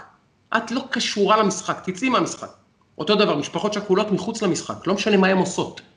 אני אומר לך יותר מזה, גם אם הורה שכול, אלא אם כן הם עוברים על החוק, ואז המשטרה צריכה להתערב כמובן, אבל כל פעילות שהיא חוקית, לא משנה כמה היא חמורה, מכעיסה, מעצבנת, מתסיסה, פרובוקטיבית, אסור לומר לו כלום. אדוני, איבדת את הבן שלך בצבא, תהיה בריא, המשך יום טוב. זהו, זהו, זה הוא. ומי שלא מבין את זה, דעתו השתבשה עליו. השתבשה עליו. וכאמור, זה לא, ולא מאזנים את זה עם זה שאומרים, אבל הם צוחקים על יוני נתניהו. בושה וחרפה. יוני נתניהו גיבור ישראל, ומר נתניהו, אני מבטיח לכם, עד היום ברגעים הכי ציניים והכי ממוקדים שלו, כשהוא חושב על, הב... על אח שלו, הלב שלו, איזה טיפת דם שוטטת שם. מבטיח לכם, עד היום, הוא... לא מתגברים על זה. אז תעזבו את יוני נתניהו, רבאק איתכם כבר, ותעזבו משפחות שכולות, ותוציאו אותם מחוץ למשחק, ותוציאו גם את הפרק הזה בחייו של מר נתניהו מחוץ למשחק. תוציאו את זה כבר. די, באמת די. זה, זה, עברנו כל גבול עם הטירוף הזה. דיברת על, אה, דיברת על הנושא של אה, שכול, ודיברת על זה, אז אני חושב שזה זה, זה מחבר אותי לנקודה שאנחנו אה, בכל שבוע מדברים עליה, והיא חשובה, על, על הורים ועל משפחות, ואחות של אברה מנגיסטו פרסמה mm. אתמול תמונה מאוד מאוד יפה, רני, אם אחר כך נוכל להעלות את זה בעמוד שלנו, זה ממש יהיה נחמד. תמונה שבה אה, אימא של אברה מושיטה את היד וככה מעבר לחומה המגודרת ומושיטה לו יד ואוספת אותו לצד השני. אנחנו 2,265 אה, ימים שאברה מנגיסטו נמצא בשבי החמאס. אה, ותשמע, זה גם דבר מדהים, כי אנשים שמדברים איתי ו... וכותבים לי וכולי, ואומרים לי שהם נחשפו לראשונה בכלל לסיפור הזה. אה, דרך הפודקאסט שלנו, אז, אה, אז, אז אנחנו עושים משהו טוב, אני שמח על כך. בסוף אנחנו, אה, יכולותינו הן דלות, אבל היכולת שלנו היא מאוד מסוימת, אבל, אבל אני חושב שזה חשוב להציף את, את, את האירוע הזה, את הדבר הזה, את הילד הזה, את המשפחה הזאת, שלא זוכה ב, בלשון המעטה לחיבוק תקשורתי. ומנינו ודיברנו גם על הסיבות, אני חושב שהתמונה הזאת, כל מי שיצפה בה, זו תמונה באמת מצמררת של, של האימא שמנסה ככה להושיט יד אה, לילד שלה ולקחת אותו לצד השני של החומה. אז אנחנו גם, גם היום וגם השבוע מציינים, אז אנחנו 2,265 ימים אה, שאברה מנגיסטו בשבי. אה, אז אנחנו נמשיך להציף גם את הדבר הזה, בתקווה, עד שאברה יחזור לחיק משפחתו, אה, קרו עוד כמה דברים מהאמת השבוע, וגם קורים עוד כמה דברים השבוע.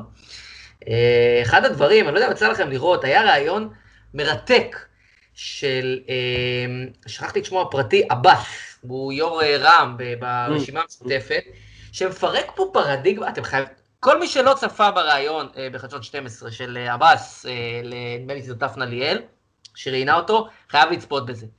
אה, יש איזשהו קטע, הרשימה המשותפת עכשיו בעצבים קליניים עליו, כי הוא לא מיישר איתם אה, קו, ואנחנו מדברים הרבה פעמים על הרשימה המשותפת לעומת ערביי ישראל. זה שתי אישיויות אה, לא בהכרח שהן בהלימה אחד, לשני, כי אנחנו יודעים שהרשימה המשותפת, הרבה מהם, יש שם כמה זרמים, אבל חלקם מאוד רדיקליים, וחלקם, לדעתי, לצערי, חלקם משמעותי מאוד רדיקלי, ומדבר הרבה על הרגשות של הפלסטינאים והצד השני, ו- ו- ופחות מדברים על מה שקורה עם ערביי ישראל והחיבור שלהם למדינת ישראל.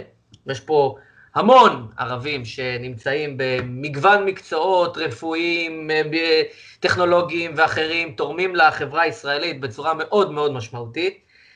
ופתאום קם עבאס בבוקר ומחליט שהוא, לא שהוא עם, אבל שהוא משהו אחר.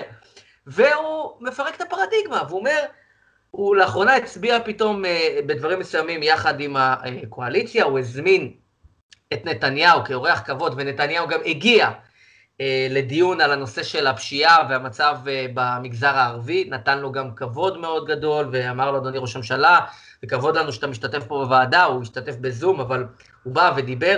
אנשים לא יודעים, אבל נתניהו וממשלת הליכוד, היא הממשלה ששמה הכי הרבה כסף מכל ממשלות ישראל, והשקיעה במגזר הערבי. ויש שם עוד המון מה לעשות, המון המון המון מה לעשות, תכף אני אגע באנקדוטה, אבל עבאס משנה פה פרדיגמה, הוא אומר, חבר'ה, מה מרץ נתנה לי? מה מפלגות השמאל לאורך עשרות שנים נתנו לי? רק באתי, באנו לטובתם והם זרקו אותנו. אני חושב, זה מה שהוא אומר, אני יכול להתערים מנתניהו ונתניהו יכול להתערם ממני, אני יכול לקדם דברים שמתאימים לקואליציה ולמדינת ישראל, ונתניהו יכול לקדם. הרי פשיעה במגזר הערבי, זאת, זה, ראינו השבוע את, ה, את האישה, האישה הערבייה ש, שנרצחה, עוד רצח במגזר הערבי. הרי, הרי, הרי זו תופעה שהיא לא רק במגזר הערבי, בכלל לצערנו במדינת ישראל, אבל היא בעיקר במגזר הערבי. הפשיעה, הנשקים, כל הדברים האלה, זה לא נשאר רק במגזר הערבי, זה לא איזה גטאות שהם סגורים, וזה זה מכה שהיא מתפשטת אחר כך לכלל מדינת ישראל, זה ברור שצריך לטפל בזה, זה ברור שצריך להשקיע שם כסף. עכשיו, ראש הממשלה והמדינה משקיעים בזה הרבה מאוד כספים, צריך להשקיע בזה יותר, צריך לטפל בזה יותר טוב, הכל נכון. אבל אותו עבאס מבין, הוא אומר, הממשלה הזאת השקיעה ביותר כסף במגזר הערבי, בדברים שחשובים לי, לציבור שבחר בי, שאני מייצג אותו, לא העזתים, אלה שגרים ב... ב מהבדואים בדרום ועד הערבים במשולש וטייבה ובצפון, אלה האנשים שבחרו בי לכנסת, אני צריך לשרת אותם. אז אני לא מסתכל על נתניהו ככל הדברים שהמגזר הערבי לא אחת מצייר אותו, אלא כמישהו שיכול לתרום למגזר שעוד שלח אותי לכנסת, וזה בעיניי מבורך. אגב, זה כאילו... למה הדבר דומה? לאנשים שאומרים, אני לא מוכן שרופא ערבי יטפל בי. באמת, אחי? אם אתה מקבל עזרה, לא משנה ממי, מאדם שיכול לעזור לך, לא תקבל אותה רק כי הוא ראש הממשלה והוא נתניהו? או לחלופין, רק כי הוא רופא ערבי? מה זה, מה עובר על אנשים? אתה מוכן לסכן את חייך, או אתה מוכן שהמגזר שלך ייפגע ויידרדר ויוחלש, רק כי זה... אז הוא, האדון הזה, יש לו שכל, זה קוראים לזה שכל ישר, ואנחנו מוחאים לו כפיים על זה שיש לו שכל ישר, תראה את, ה, תראה את ליקוי המאורות שאנחנו נמצאים בו. מוחאים כפיים לאדם, אז יש לו שכל ישר, שהוא אומר, האיש הזה הוא עושה לי טוב, אני אומר לו תודה רבה, אהלן וסהלן, כשהוא יעשה לי רע, אני אגיד לו לך לעזאזל, אבל עכשיו כשהוא עושה לי, כשהוא עושה לי אה, אה, טוב, אני צריך להגיד תודה ושלום על ישראל. לא מבין את הדבר הזה. אני רוצה אבל לסיום, כי אנחנו, יש לנו היום פודקאסט בזק. אגב, רק לתת לך אנקדוטה על העניין, זה לעשות closure. כן, כן. זה, קוראים לו חבר הכנסת מנסור עבאס, הוא יו"ר רע"מ ברשימה המשותפת, והוא אומר ככה, הוא אומר, חברים, אנחנו באנו לייצג אתכם, תנו לנו את הכוח הזה, והוא אומר, אגב, כותשים אותו ברשימה המשותפת, כן? עושים עליו עליהום מטורף. הוא אומר, לדעתי השמאל הישראלי צריך להיות חכם ולתמוך בגישה שאני מוביל. כאילו, אתה יודע, דברים שהם פשיטא בעיניי, ובגלל שאנחנו שבויים באיזה פרדיגמות, אז זה נראה לנו מוזר. אז רק closure לעניין הזה, וזו כתבה של דפנה ליאל אכן בחדשות 12, שווה, שווה מאוד לצפות בזה. כן, סליחה, קטעתי אותך. כן, לא, אנחנו מסיימים את, ה, את ה pod שלנו, ואנחנו, כשה pod הזה יגיע לאוזניים של המאזינות האהובות שלנו והמאזינים האהובים שלנו, אה, כבר נדע באיזה קבוצת NBA נבחר דני אה. אה, כפי שאתה יודע, וגם המאזינים שלנו יודעים, רני, אתה יכול להצטרף לחלק הזה, זו שיחת ספורט שאתה, דעתך חשובה בה. אה, הדבר הכי חשוב... בדיוק, אה, בדיוק באתי להגיד לכם שאני נכנס. אני מאחל לו שלא יגיע לניקס, אבל אני מתחיל להיות מאוד פסימי בעניין הזה, אבל שוב, אנחנו מדברים עכשיו על דברים שלו, אני אגיד אבל שני דברים. באופן כללי על ספורטאים מקצוענים, וכולנו פה ממש בעניין. אגב, ותן איזה שני משפטים על, על דני אבדיה, לא, זה כאילו לא common knowledge עדיין לדעתי. כן, כן, אז דני אבדיה הוא הבן של זופר אבדיה, שחקן אה, סרבי ששיחק ברמת השרון לפני 30-25 אה, שנה, התחתן עם אה, גברת ישראלית מקומית, התאהב בה וגידלו ילד, והוא גדל פה בישראל כישראלי לכל דבר מ-day one. הוא מדבר עברית באופן שוטף, והוא אה, אה, באמת ישראלי לכל דבר. יש לו שורשים אה, סרבים, אבא שלו סרביית, אבל אימא שלו יהודייה, והוא כמובן ישראלי, אזרחות ישראלית, הוא משחק גם בנבחרת ישראל. רק נגיד שבקדטים כבר בגיל 14 או 15, נדמה לי זה קדטים, נבחרת סרביה ביקשה שהוא ישחק בשורותיה, והוא אמר לא, לא תודה, אני מעדיף את הכחול לבן, וגם עכשיו בגיל 18, אה, כשהוא כבר יכול לשחק בוגרים, הוא זומן לנבחרת סרביה, אמר להם זה בסדר, אני מעדיף לשחק בעתודה הישראלית, אז הוא ישראלי לכל דבר ועניין, ונבחרת סרביה בלי לפגוע בנו, היא מעצמת כדורסל שיכולה לקדם את הכדורסל שלו ואת הקריירה שלו ואת השם שלו בעולם וגם את ההכנסה שלו הרבה יותר מנבחרת ישראל, והנה הוא אומר, אני מעדיף לשחק בכחול לבן, אז כל מי שאומר, אני לא יודע מה זה דני אבדיה, ישראלי כמוכם כמוני לכל דבר, ויותר מזה, כשהוא נאלץ לבחור בין ישראל למדינה אחרת, הוא בחר בישראל, כשזה עולה לו, כשהוא מפסיד על זה דברים. אז, אז דני הוא משלנו, אז צריכים לאהוב אותו, באמת, הוא משלנו. ממש. עכשיו אני אגיד לך משהו, אני אגיד לך משהו על דני. א', זה כישרון מהגדולים שהיו פה, ללא ספק, אין שאלה בכלל, מה... מה שלושה חמישה הכי מוכשרים ששיחקו כדורסל בישראל, בסדר גודל של קטש, ו... וכמובן, אה, אה, אני יודע, נדב הנפלד כישרון ענק, מיקי כישרון של פעם בדור, אה, מהגדולים ביותר של ג'אמצ'י, היו פה כמה שחקנים גדולים, הוא, הוא לדעתי, ביחד עם קטש, אחד משני השחקנים הכי מוכשרים שראינו בישראל, מוכשרים אי פעם. אני חושב שהוא הרבה יותר מוכשר מקטש, משמעותית. לא, בכישרון קטש היה, בכישרון קטש היה יוצא דופן, היה לו בעיה, הוא גם לא היה בריא וגם הגוף שלו היה לא מותאם למשחק המודרני באמת, בגלל זה הוא קרס גם. אבל דני יש לו הכל, הכל, חוץ מג'אמפ שוט שאפשר לתקן, זה בסדר. מה שאני מנסה לומר זה, שעכשיו המבחן האמיתי של דבר אחד של דני אבדיה, איזה אופי יש. כי הוא עכשיו עומד להיכנס לקבוצה מי יודע איפה זה יכול להיות, שיקגו, שרלוט, מי יודע, ניקס, מי יודע לאיפה הוא יגיע, אלוהים יודע מה יהיה. ושמה אתה לא שולט בנסיבות, אתה לא יודע איזה מאמן יש לך, אתה לא יודע מי מתחרה איתך על המקום, אתה לא יודע, אתה לא מכיר את, את, את המתקנים, אתה לא מכיר את העיר, אתה עוד לא מכיר את הליגה, הליגה בתקופת קורונה. אתה תצטרך לגדל את כל הביצים שיש לך ואת כל הגבריות שיש לך, תצטרך להוכיח. אם יש לו אופי, הוא יהיה שחקן NBA, ושחקן NBA טוב, הוא אף פעם לא יהיה אולסטאר. בואו בוא, בוא נהיה ישרים. אני אהיה המום אם הוא יהיה all-star. אבל הוא שחקן חמישייה ב-NBA, הוא יכול להיות 15 שנה, אין שאלה בכלל. ושחקן טוב, ויעשה הרבה הרבה מאוד מיליונים של דולרים. רק אם יהיה לו אופי. כי הפיתוי, בעוד שנתיים לחזור לישראל, כי הוא נפל פתאום בניקס, וארג'יי ברט לא מוסר לו, או כי תום טיבודו אה, לא אוהב לשחק עם rookies, אה, הוא פיתוי גדול, אז בוא נחזור למכבי. היו המון שחקנים בישראל שכשהיה להם את הצומת החלטה, דורון שפר, נדב הנפלד, המון שחקנים, היה להם את ההזדמנות, אמרו לא, אני לא הולך להגשים את החלום, אני חוזר למכבי. דני, מכל השחקנים הישראלים בכל הזמנים, יש לו סיכוי להפוך לשחקן NBA אמיתי. אני לא לוקח כלום מעומרי כספי שהיה תותח, שחקן NBA לגיטימי, אבל דני יכול להיות שחקן חמישייה כל הקריירה, אם יש לו אופי. וזה המבחן המעניין, האם יש לו אופי. זה גם, זה גם, אה, הוא גם שונה מכספי וגם מגל מקל, שגם היה ב-NBA. נכון. אה, הוא שונה מהם בעיניי מכמה, אחד, אני חושב שהוא מוכשר אה, יותר משניהם, ושניהם מאוד מוכשרים. ללא ספק. אה, אבל הוא גם נכנס בגיל טיפה אחר. נכון. ולכן מה שאתה מדבר על האופי הוא באמת דרמטי. כאילו, אם הוא יצליח בכמה פאזות להשתלב, מה שנקרא, to blend in בתוך המרקם ה-NBA הזה. אה, אני יודע שהוא שם כבר תקופה, וכאילו עם הסוכן שלו וכאלה, ועושה... אתן לך טיפ קטן לדברים, שאנשים בשוליים של הדברים. רני, האם ידעת מה קבוצת המהגרים הכי גדולה שיש בשיקגו, שזה כנראה היעד שאליו יגיע בסוף אה, דני? אני הייתי מהמר על ההודים דרך אגב, אבל... לא, אה, קרואטים. ודני הוא סרבי. ומי ש... הסרבים והקרואטים, יש ביניהם איבה קשה מאוד על רקע מלחמת האזרחים, שהייתה בזמנו כמובן כן. ביוגוסטריה. עכשיו, דני יכול למצוא את עצמו בשיקגו, עיר שהיא בירת הקרואטים בארצות הברית, ו- ופשוט להיות כמו ישראלי במקום שיש בו רק פלסטינים. זה יכול להיות סיפור מטורף. אנחנו כאילו לא חושבים על זה, חושבים רק מושגי NBA, אבל דני הוא סרבי, עם שם סרבי. הוא יכול למצוא עצמו בשיקגו, וכנראה הוא נופל לשיקגו, יכול להיות שאני מקווה בשבילו שלא. כי זו קבוצה שגם מבחינת כדורסל היא רעה מאוד לו.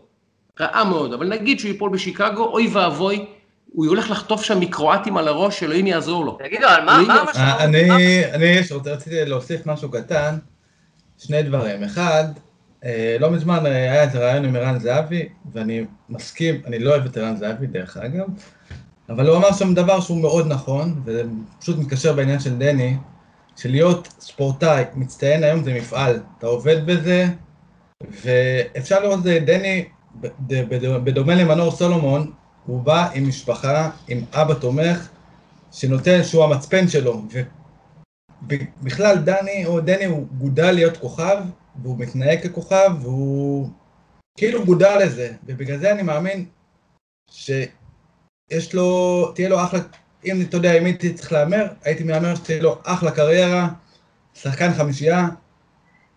עומרי, לא, לא, לא לוקח שום דבר מעומרי, עומרי היה שחקן משלים במשך אה, קריירה מטורפת. דני, מאמין שהוא יעשה את הקפיצת מדרגה, הוא יותר, לדעתי, יותר, ואני חושב שבגלל שהוא גדל לזה, ואתה רואה גם שיש לו, הוא לא, הוא לא נלחץ סך הכל. אז אני באמת מאמין שדני יוכל לעשות את זה בגדול. לא- בלי, גם בשנה הראשונה, שנתיים ראשונות, הוא לא, הוא לא בא לסטוץ, הוא בא לטווח ארוך, הוא... אתה רואה שכאילו כל הקריירה שלו נבנתה step by step. ולכן דני לדעתי יהיה הצלחה מטורפת. מה, המשמעות, המשמעות של זה שהוא ככל הנראה, אנחנו נדע הלילה, וכשזה ישודר כאמור כבר אנחנו נהיה אחרי האירוע, אבל שהוא ככל הנראה הולך ב top 10 בדראפט, זה, זה בפני עצמו, זה statement משוגע. לא, אנחנו בשלב אחר, שבו אם הוא נופל מה top five, זו הפתעה גדולה, ב- ב- של- על ידי כל המומחים, לא הישראלים. בארצות הברית הוא ב top five כמעט בכל מה שנקרא mock draft, אה, של מומחה דראפט רציני. יכול להיות שיהיו טריידים למעלה, אני שמעתי שבוסטון רוצה אותו עכשיו, אולי לגנוב למעלה טריידים, יהיה מחר בלילה הרבה טריידים במהלך הדראפט, וקבוצות יחליפו מקומות כי הן רוצות שחקנים מסוימים. אם דני נופל מה top five, זאת תהיה הפתעה גדולה מאוד, וזה מדהים לספורט הישראלי, שכשיש pool של השחקנים הכי טובים שמועמדים לכניסה ל-NBA בעולם, בעולם, זה לא בארצות הברית, מכל העולם יש, מצרפת, מסנגל, מאיפה לא יש שחקנים בדראפט הזה? שחקן שלנו, השחקן הזר מספר אחד. הזר, מוג- לא, ללא שום תחרות, מוסכם על כולם, כזר מספר אחד, כ prospect, זה, זה המונח, כפרויקט, מספר אחד האירופאי ב-NBA. וזה מדהים. זה, ונכון שאבא שלו הוא סרבי, ונכון שיש לו גנים של סרבי, אבל את הכדורסל שלו הוא קיבל ברמת השרון בקצ"ל, שיהיה ברור. את הכדורסל שלו הוא עשה פה בקצ"ל ברמת השרון, ואז בנוער, ומכבי תל אביב, ובוגרים, וכולי וכולי וכולי. הוא לא היה בסרביה, הוא רכש פה, זה כדורסל ישראלי אמיתי. נו משפט. על... אה, אני רק מוסיף משהו קטן אחרון לעניין, שכמו שדונצ'יץ' היו חשדנים לגבי דונצ'יץ', אמרו הוא לבן, הוא לא מספיק אתלט, הוא לא מספיק זה, גם דני, אם היה לו דרכון אמריקאי, אז כנראה שהוא היה top three בלי, בלי לחשוב פעמיים. אז זה ללא ספק. חשיב, חשיבה חשדנית כזאת עדיין כלפי האירופאים, למרות שזה עברו לא כל כך הרבה שנים. לא, למרות שבמקרה של דונצ'יץ', ומשפט אחרון שלי בעניין הזה, דונצ'יץ' זה כישרון של פעם ב-20 שנה. דני הוא לא כישרון של פעם, דני הוא לא כישרון של פעם, דונצ'יץ' הוא, הוא יכול לגמור את הקריירה שלו כאחד השחקנים הגדולים בהיסטוריה.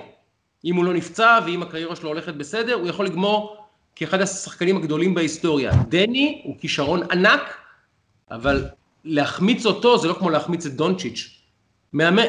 general manager שלא בחר, ב, ב, כל ה general manager ים שלא בחרו בלוקה דונצ'יץ' הם בלי עבודה היום אגב. כל השלושה. כולם בלי עבודה, כי זה כל כך מזעזע לטעות טעות כזאת, איך אתה לא רואה? שהילד הזה בגיל 17 הוא, הוא ה-MVP של היורו ליג ולוקח נבחרת ליורו נגד גברים. אתה לא מבין, כי אתה לא מבין שהוא פעם בדור מגיע דבר כזה? אז דני הוא לא שם, אבל דני הוא כישרון ענק, ואם יהיה לו משמעת ו- ואופי, אנחנו נראה שחקן ישראל, NBA 15 שנה בוודאות, משחק, לגיטימי, בחמישיות, אין ספק. אין משפט ספק. על, אה, משפט על ים הדר? אני חושב ים הדר לא מוכן לליגה, אני לא יודע מי מייעץ לו מה שמייעץ לו, אני חושב שים הדר לא מוכן לליגה, אני מקווה בשבילו שהוא לא ייבחר בסיבוב הראשון. כי אם הוא ייבחר בסיבוב הראשון זה אומר שהוא יקבל חוזה מובטח, ואומר שהוא יצטרך אה, לחתום לשלוש שנים, ואני לא חושב שהוא מוכן כרגע לליגה הזאת. אם הוא ייבחר סיבוב שני, זה אומר שכנראה הוא לא יגיע ל-NBA לעולם. אז אני מקווה בשבילו שהוא לא ייבחר בסיבוב הראשון, כי בסיבוב הראשון זה אומר שהוא תוך שנתיים חוזר לאר, לארץ, ואם הוא, סליחה, שהוא לא ייבחר בכלל, ואם הוא נבחר בסיבוב השני, זה אומר שהוא צריך לעבור את כל המסלול של מחנה אימונים וכולי וכולי, ואם הוא לא מקבל מקום מובטח בליגה, הזכויות שלו שייכות לקבוצה שבחרה בו למשך חמש שנים, זה אומר שהוא בעצם לא יגיע לליגה לעולם. אז אני מאחל לים מדר, מאחל לו שלא ייבחר. אני יודע שתשמע מוזר, מאחל לו שלא ייבחר, כי הוא לא מוכן לליגה עדיין.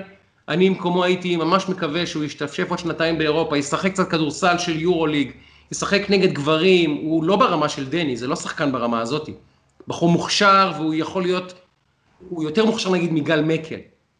אבל הוא uh, בתסריט הטוב כרגע, שחקן 12 בח, ב, בכל קבוצת NBA, הוא, לא, הוא אפילו לא שחקן ברוטיישן של 8-9. זה שחקן של garbage 2-2 דקות, ושוב, אולי עוד שלוש שנים הוא יהיה שחקן אחר, אבל כרגע לדעתי, יהיה לו, יקרה לו דבר מאוד לא טוב אם הוא ייבחר לליגה היום. סיבוב שני זו, רק אני אסביר את המשמעות אם אתם שומעים את הפודקאסט הזה אחרי. אם הוא נבחר סיבוב שני, זה אומר ים הדר לא יהיה ב-NBA לעולם, זה המשמעות. ואם הוא נבחר סיבוב ראשון, זה אומר כנראה שהוא חוזר תוך שנתיים להפועל תל אביב, להפועל ירושלים, לאיפה שזה לא יהיה, מכבי תל אביב, מה שזה לא יהיה. אני מאחל לו שלא ייבחר, אני יודע שזה נשמע מוזר, ואם אנחנו רוצים שהוא יהיה ב-NBA, לא עכשיו, חכה שנתיים, ים, אתה עוד לא מוכן. טוב, מים אל ים, אה, על הכיף כיפאק. אה, אני חושב שפרק מספר 14 אה, הגיע לסיומו, וזאת הזדמנות להגיד שוב תודה. בואנה, רני, מה אתה אומר על זה? לא שמעתי את ההתייחסות שלך, חצי מיליון צפיות והאזנות, זה כאילו הזיות, כן?